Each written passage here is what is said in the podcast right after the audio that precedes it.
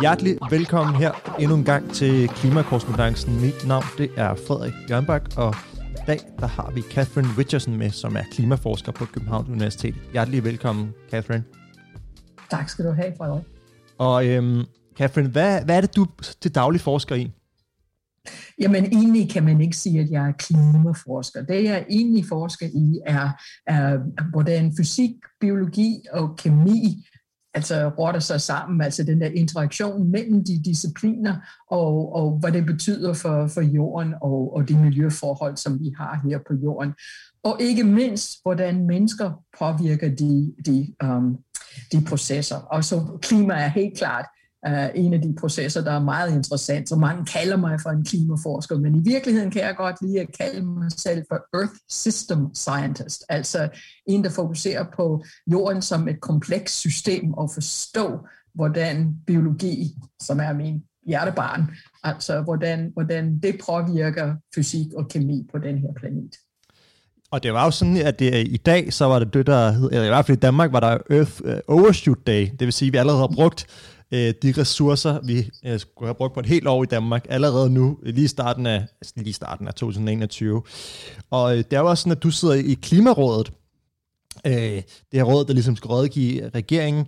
Og derfor tænker jeg lidt, altså nu, når man tager der allerede Earth Overshoot Dag øh, her i, i øh, marts, slutningen af marts allerede, og øh, den kritik, I ligesom er kommet med i forhold til regeringens klimaindsats. Hvordan det har det ligesom været at være i Klimarådet øh, i løbet af det her år. Hvordan, hvordan har man som klimaforsker og medlem af Klimarådet oplevet det her? For vi jo, vi har hørt meget, hvordan I synes, regeringen er, men hvordan har det ligesom været internt? Jamen det har da været øh, endnu mere spændende, end det har været. Jeg har også siddet i Klimarådet i den øh, sidste og under den sidste lov, kan man sige. Men det er, det er mere spændende nu, fordi loven er skruet anderledes sammen. Og før kunne, kunne Klimarådet komme med det, de gerne vil, og de sige, hvad de vil, og så kunne ministeren sige, nå ja, altså, og så gå videre.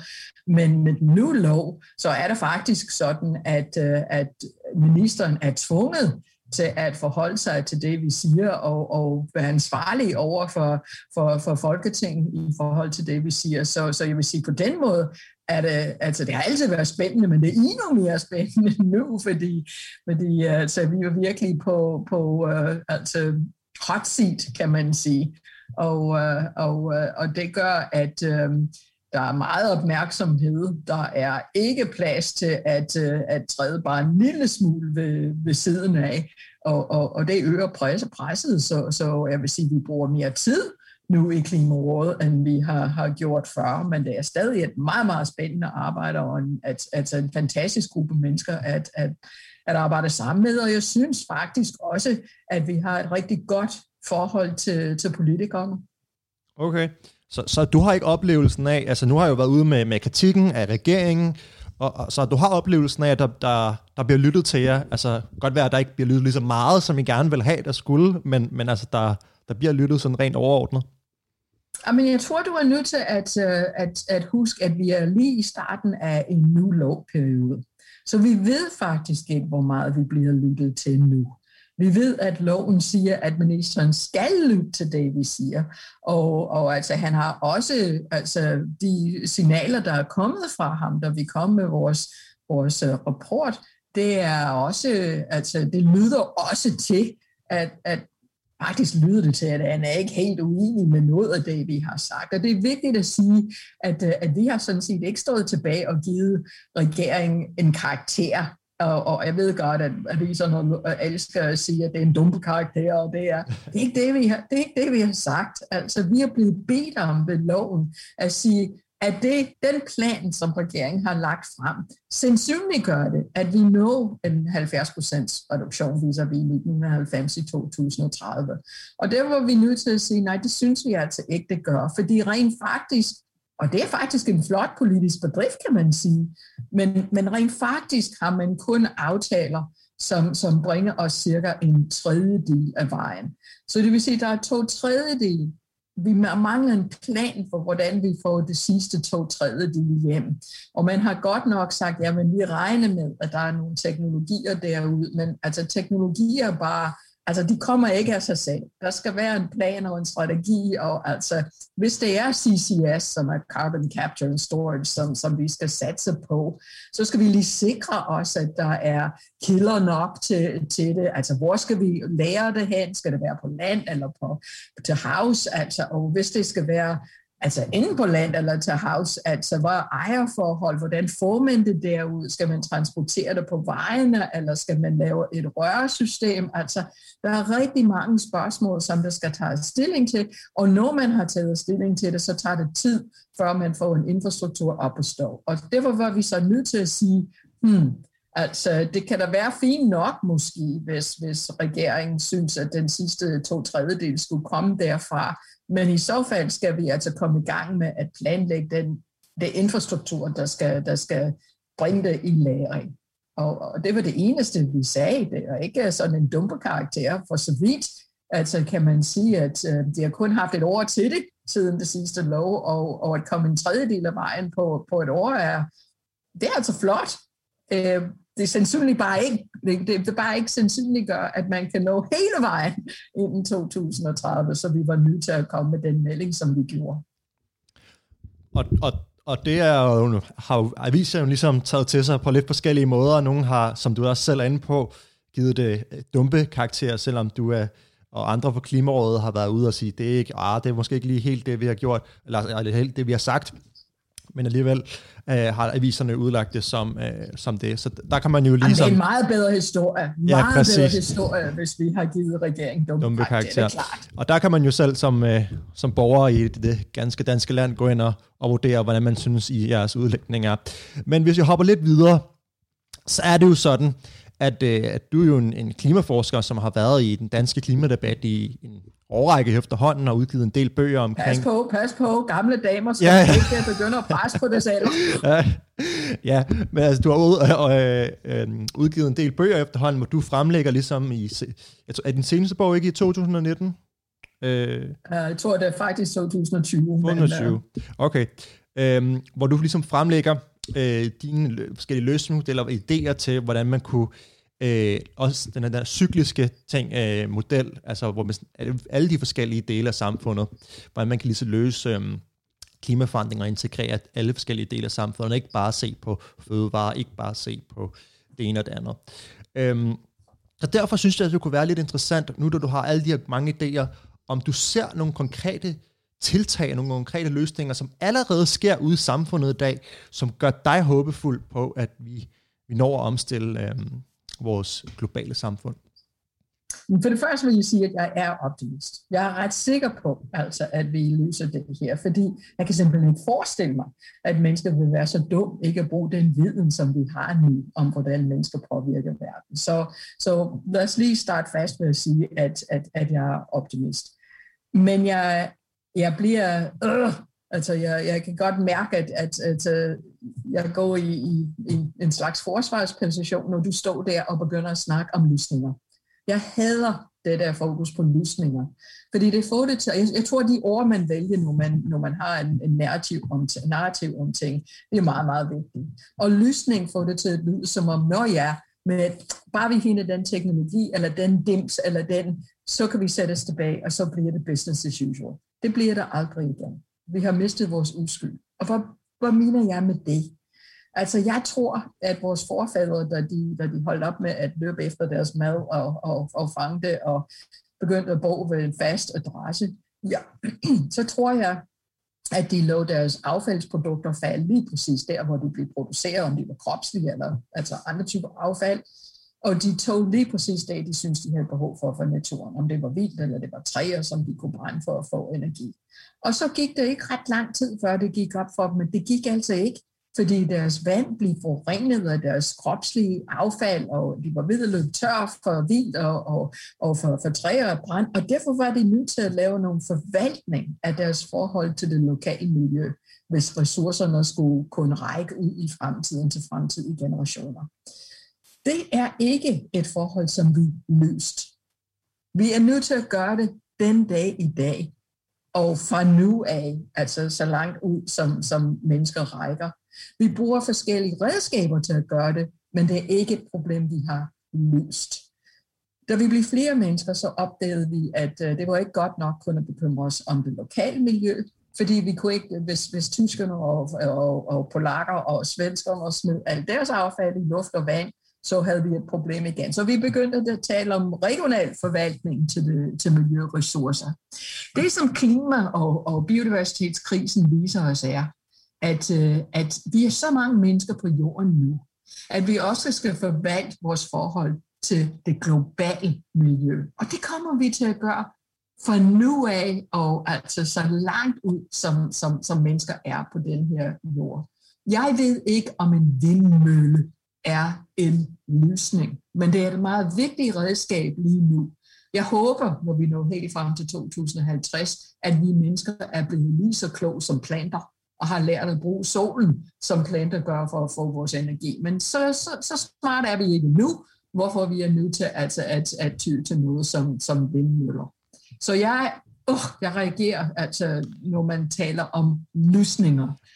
I virkeligheden, den måde, vi skal gribe udfordringen an, fordi udfordringen er et forhold om, at vi har ikke nok ressourcer til, at, at vi mennesker kan blive ved med at bruge og smide ud, som vi gør. Du siger allerede, at vi er, vi er, hvis, hvis alle mennesker skulle bruge så mange ressourcer, altså som vi gør, så allerede i dag har vi brugt, eller vil verden have brugt, altså så mange ressourcer, som er fornybare. Altså, de vil have, altså vi vil tære Altså hvis vi fortsætter, og det gør vi jo, altså ved at fortsætte ved at bruge flere ressourcer, så, så tager vi mere end vores, vores fair share, og vi tager af, af, af det, der er i banken, de ressourcer, som vores børn og vores børnebørn skulle egentlig leve af.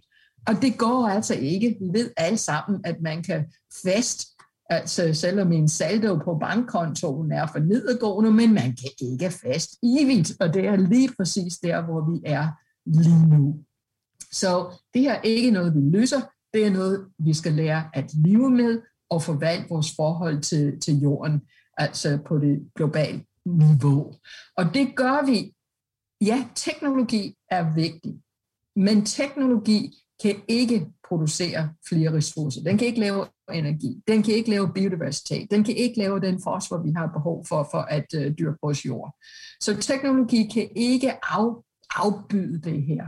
Altså, det kan hjælpe os at bruge de ressourcer, der er der mere effektivt, men det vil kun gøre det, hvis vi bruger den teknologi eller, i kombination med, hvordan vi bruger den teknologi. Og den adfærd, som vi har i forhold til teknologi, det styres af vores økonomiske system og vores governance-system. Og governance er ikke kun lovgivning, det er også, hvor vi forventer af hinanden. At folk bare ikke kommet ind i din hus eller lejlighed og ryger i dag, som de ville have gjort for 30 år siden, er ikke kun et spørgsmål om lovgivning, det er et spørgsmål om, hvad vi forventer af hinanden.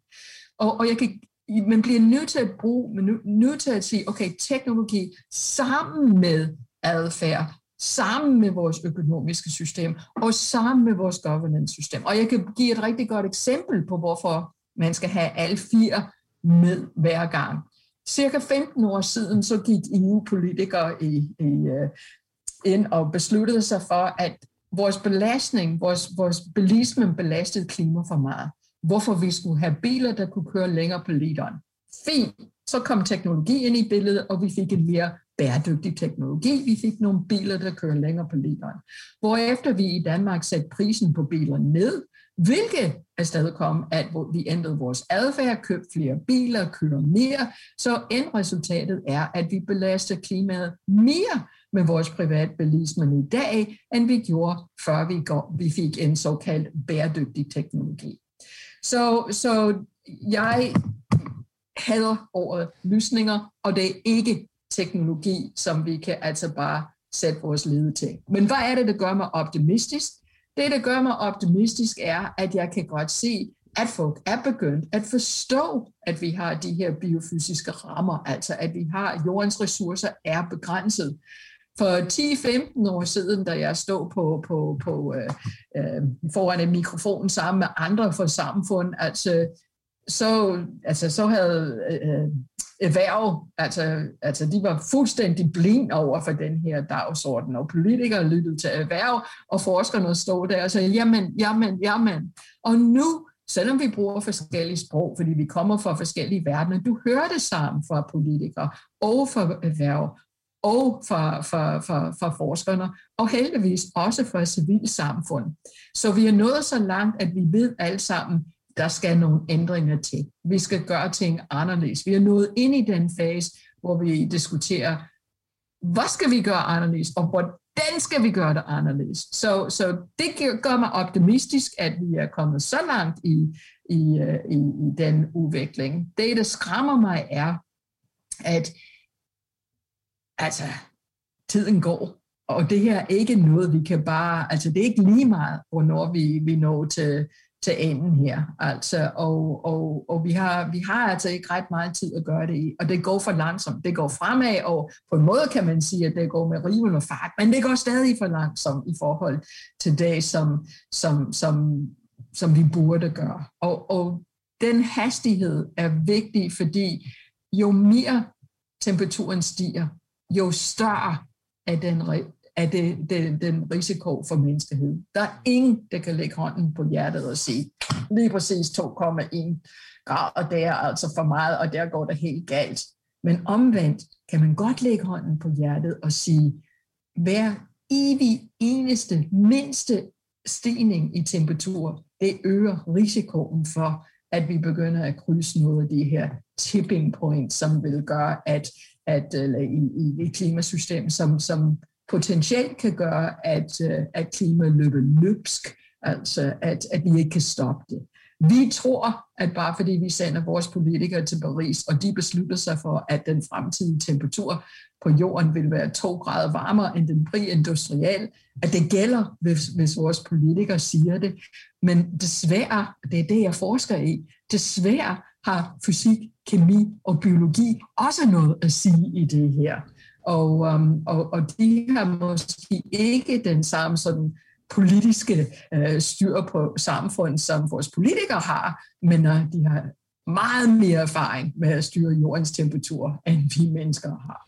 Kasper, hvis, øh, nu, nu nævner du det her med, at det er selvfølgelig ikke nok at have teknologiske løsninger. Det er ikke nok med regeringens technofix, og vi laver noget PTX og noget CCS, og så, så så løser vi det hele. Ikke? Og det var også det, I var noget ude at kritisere i Klimarådet. Hey, det, det er fint nok, I har de her teknologier, men I viser ikke en, en farbar vej mod de 70% i 2030. Der nu skal være nogle flere konkrete planer. Øhm, så jeg tænker bare på, når du siger, at vi har brug for governance, øh, vi har brug for en mere holistisk syn på klimaforandringer, en måde, hvor vi ligesom kan leve med klimaforandringerne på. Hvor ser du i konkret, måske i Danmark, altså sådan en meget veludviklet, veludviklet skandinavisk land, har vi nogle af de her ting, som det er, men hvor ser du sådan globalt set, at vi er på vej til at få de her governance-tiltag, hvor, hvor, hvor lande ude i os i, i den store verden forvalter tingene anderledes, begynder at tænke tingene anderledes, fordi at hvis jeg skal, hvis jeg skal være ærlig, så, så er det ikke noget, jeg ser. At jeg kan godt være, at mange snakker om, at vi skal skrue ned, og Kina siger, at vi skal have øh, reduceret vores CO2 øh, 100% inden 2060, men, men, men, der, men stadig bygger de 100 nye kulkraftværker, jeg ved ikke hvad. Så hvor ser du de her helt konkrete governance-tiltag øh, ude i den store verden? Jamen, vi, lad os starte sådan helt overordnet, altså sådan på FN-plan. Og, øh, og der synes jeg, det er meget interessant, at selvom vi har haft billeder af jorden fra rummet siden slut 60'erne og begyndelsen af 70'erne fra Apollo-missionen, som viser med al tydelighed, at, at jordens ressourcer er begrænset. Og der er ingen navlestreng, så når vi altså har brugt jordens ressourcer, så får vi altså ikke flere. Vi har haft de billeder siden slut 60'erne, men alligevel var der først i 2015 med, med verdensmålene, at vi fik en at vi fik en international aftale, der erkender, at vores ressourcer er begrænset. Det er faktisk rigtig stort, og jeg tror, det reflekterer den, den ændring i, i, i tænkning, som, som, som, som mange mennesker har nu omkring. Jeg tror, de billeder egentlig uh, be, altså, begyndte en, en stor bevægelse, hvor vi, vi er som et samfund ved at ændre vores forståelse af vores forhold til resten af verden. Det andet, der er interessant i FN-regi, er netop de der bæredygtighedsmålsætninger. Det show er, at Der er ikke noget nyt på den liste med 17 forskellige kasser med udfordringer. Men vi vidste, at vi havde de udfordringer længe inden 2015, og rent faktisk havde vi allerede FN-aftaler inden for det fleste af dem, kvinder og klima og biodiversitet og vand og fred og you name it. Så hvad er det, der er nyt og spændende med, med verdensmålene? Jamen, det gør, at det, det er, at man tager dem ind i en enkelte ramme. Og det gør, at det ikke længere er kasserne selv, er interessant, men interaktionerne imellem dem.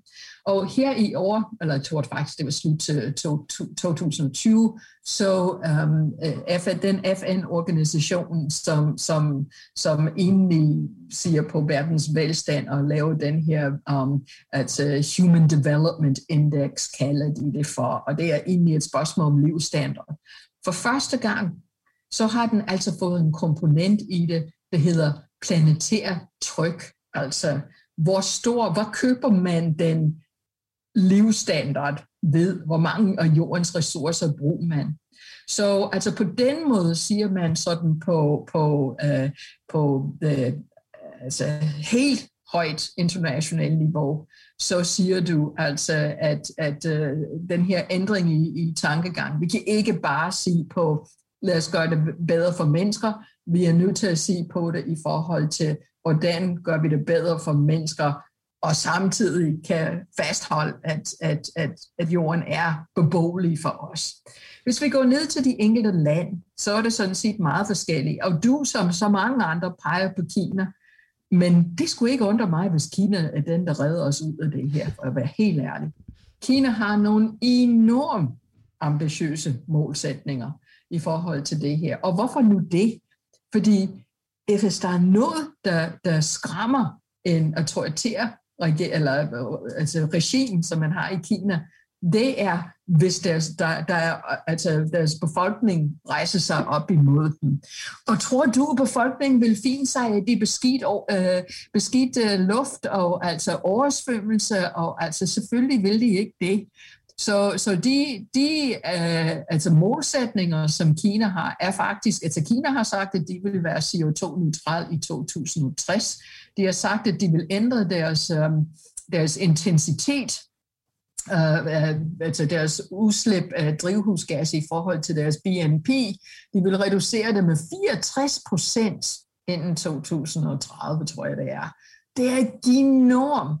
Og jo, det er sandt, at de åbne stadig kulkraftværker, men der er ikke et sted i verden, der investerer mere i sol og i vind end Kina. Og det var ikke så længe siden, at Danmark havde den største øh, vindmøllevirksomhed øh, i verden. Det har vi altså ikke længere. Det er altså kineserne, der har.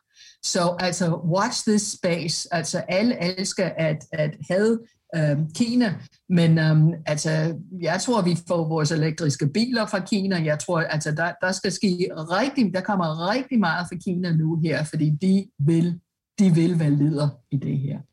Ja, og helt eh, på en personlig note, så kan jeg måske også sige, at jeg håber lidt, at det, det du siger kommer til at ske, for jeg har investeret en lille smule i den kinesiske øh, elektriske bilvirksomhed NIO, som jeg håber selvfølgelig går ind og bliver den en helt ny store Tesla, øh, og, og aktien gør ligesom det gjorde med Tesla-aktien her i år. Ikke? Så jeg håber selvfølgelig, Jamen, du får ret. Tror ikke, du, jeg tror ikke, det er dumt, det, du har lavet. øh, men, men jeg håber selvfølgelig, du får ret. Men jeg, jeg, vil, jeg vil igen prøve at, at stikke, stikke lidt til den her øh, ukulige optimisme, som du, som du kommer med her. Fordi at nu taler du her om, om verdensmålene, og, og på FN-niveau, der der ser, begynder vi nu at, at, at indtænke planetære grænser, og, og Kina virkelig gør meget, og, og det, det kan selvfølgelig også være sandt. Men jeg har bare svært, svært ved at tro på os, når jeg, jeg har, jeg har jeg vil sige, jeg har også været rundt og, og se nogle forskellige lande, og, sådan, når, og når, når jeg er i, i lande, som, som ikke er, også bare i Europa, jeg boet et år i Frankrig, altså de har ikke, der sorterer man ikke affald. Jo, de har en skraldespand, hvor der står dåser på, men altså der smider de alt muligt andet lort i, altså, og de er også, bare, også blandt unge, altså det skræmmer mig at se, hvor, hvor ligeglade folk er. Når man kommer hjem til Danmark, så er man lige pludselig den her lille økologiske boble, men så snart man, jeg synes, man træder ud for landets grænser, så, så er det bare et andet syn på naturen, på klimaet og på, ja, på genbrug, man, man, man ligesom finder sig sådan. Så jeg har bare svært, svært ved at se det her med, at verdensmålene sådan skal gå hen og redde os, og, og den, den lokale inder øh, skal, skal leve op til dem, ikke? Ah, men jeg siger ikke, at verdensmål skal redde os. Jeg siger bare, at de er et udtryk for en ændring i, i synet. Altså, og man skal ændre synet, før man kan ændre kultur og, og væremåde. Så, så du skal ikke misforstå det. Der er flere ting, jeg har lyst til at sige uh, der. For det første, der er absolut intet data, der støtter det, jeg siger. Altså, ifølge dataen, så altså, er der ingen håb derude. Det nægter jeg at acceptere. Dels fordi jeg er mor og, og, og bedstemor. Men også, jeg har vant til at, øh, at fokusere i min forskning på, på tipping points. Og i, det, i den sammenhæng er det naturvidenskabelige tipping points, vi taler, på, taler om. Men der er også social tipping points. Dengang man gik fra fra um, uh, hestevogn til biler, det var en social tipping point. Dengang man uh, uh, begyndte at bruge sikkerhedssel, dengang man, altså, altså rygning var absolut, altså top of the pops, altså prestigemæssigt, og nu er det altså, kunne det næsten ikke være lavere. Så der er noget, der hedder tipping points i samfundet.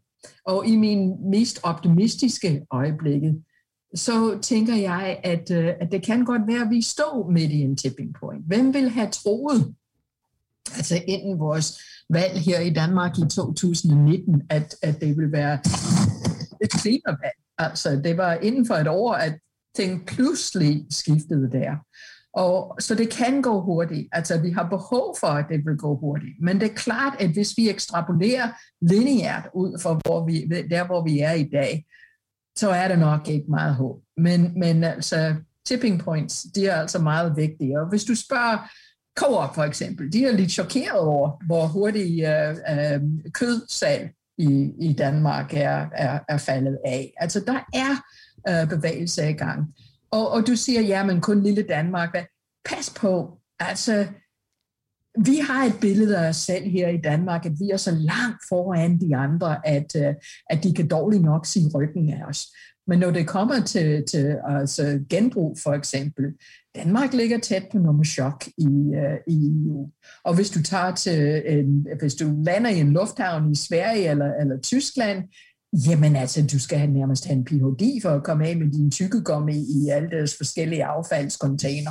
Jeg har en, uh, jeg har en ødegård i Sverige, som altså, de der de der altså affaldsband, vi har uden for huset der, jamen jeg tror, der er 20 forskellige ting, der kan blive opdelt i. Altså her i Danmark synes vi, det er, oh, det er dybt umuligt at, at, at gå fra at have organisk og ikke organisk. Jamen i Sverige kan det, uh, altså der er forskellige typer metal, der er forskellige farver glas, der er, altså, jamen, altså det er helt utroligt hvordan de kan, hvordan de kan opdele det. Så, så vi skal passe på og, og ikke tro, at vi er, er så meget bedre end de andre. Vi er rigtig gode, når det gælder energi, effektivisering og, og også vedvarende energi, om end alt for meget af vores øh, vedvarende energi kommer fra, fra biomasse. Men når man ser, og vi er gode til at cykle, men altså, der er mange andre ting omkring Danmark, som ikke er nær så god, som det er i andre lande.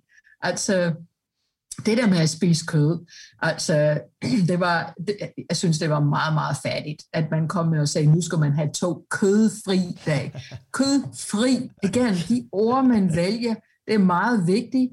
Det fri, det, det signalerer afsavn. Altså, at simpelthen sige, at i større offentlige kantiner, så skal altså en plantebaseret altså, altså plantebaseret være default. Så den første, du rammer, når du kommer igennem køen, den er plantebaseret, og du sælger det ikke som værende kødfri. Du sælger det som, for hvad det er.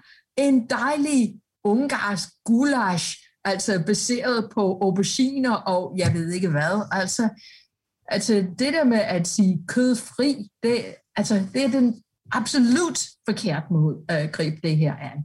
Altså, min mand er meget stor jæger. Jeg kan hilse og sige, at vi kan, at vi kan godt lide...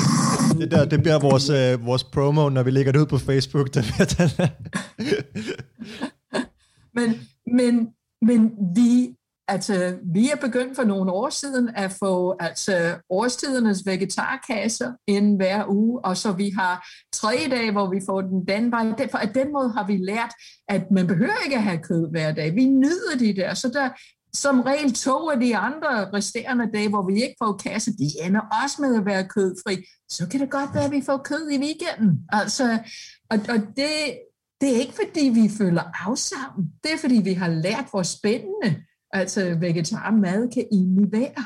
Så, og vi synes, vi får det bedre, og alle ved, at sundhedsmæssigt er det bedre for os. Men det der med at gå ud og sige, nu skal jeg tage noget væk fra dig. Kødfri, altså, åh, hvor, hvor varm og vel. Men i Finland har de grebet den på en helt, helt anden måde, og med meget stor succes.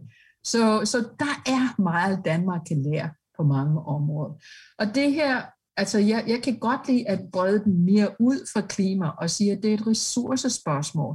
Og jeg havde det her med, at folk går rundt og siger, at du er et dårligt menneske, fordi du flyver, eller du er et dårligt menneske, fordi du spiser kød.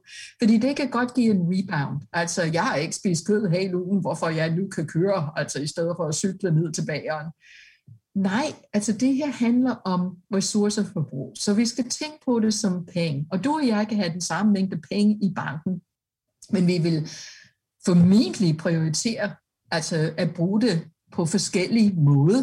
Min måde er ikke rigtig, din måde er ikke rigtig. Men vi ved, at vi ikke kan bruge flere penge, end vi har. Eller kan overbevise banken om at låne, låne til os. Men, men altså det samme skulle være for ressourcer. Altså jeg har familie i USA, jeg vil flyve. Altså, men så må jeg altså sørge for, at min ressource, altså, altså forbrug, er, er, er skruet ned på, på andre områder. Og, og det kan være med kød, det kan være med ikke købe tøj ret meget. Altså, det, der er mange forskellige måder, man kan gøre det her på. Pointen er, at vi skal betragte vores ressourceforbrug, som vi betragter vores pengeforbrug. Og der er ingen af os, der vil bruge flere penge end højst nødvendigt for at købe en vare eller en tjeneste.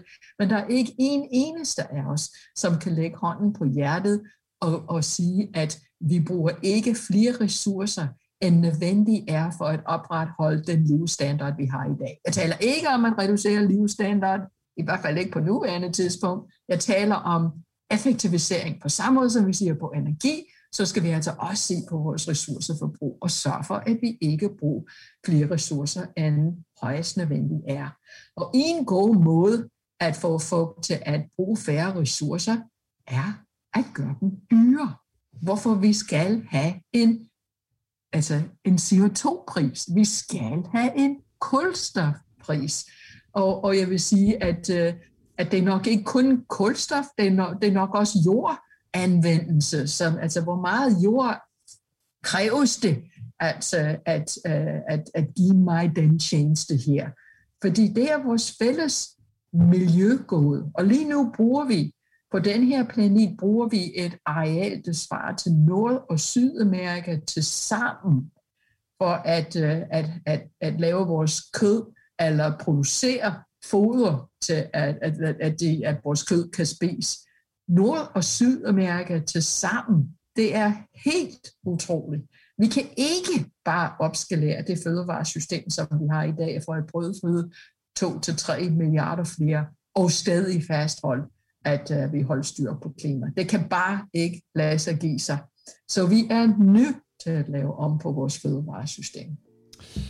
Og med de ord om CO2-afgiften og behovet for en snarlig CO2-afgift for øh, skrue ned på vores forskellige ressourcer, så øh, når vi ikke mere i dag øh, her på Klimakorrespondancen. Catherine, tusind, tusind tak, fordi du var med. Jeg synes, det var virkelig spændende at, øh, at, at have dig med og, og høre lidt om, hvad du havde at sige. Øhm, det var alt for nu. Vi ses.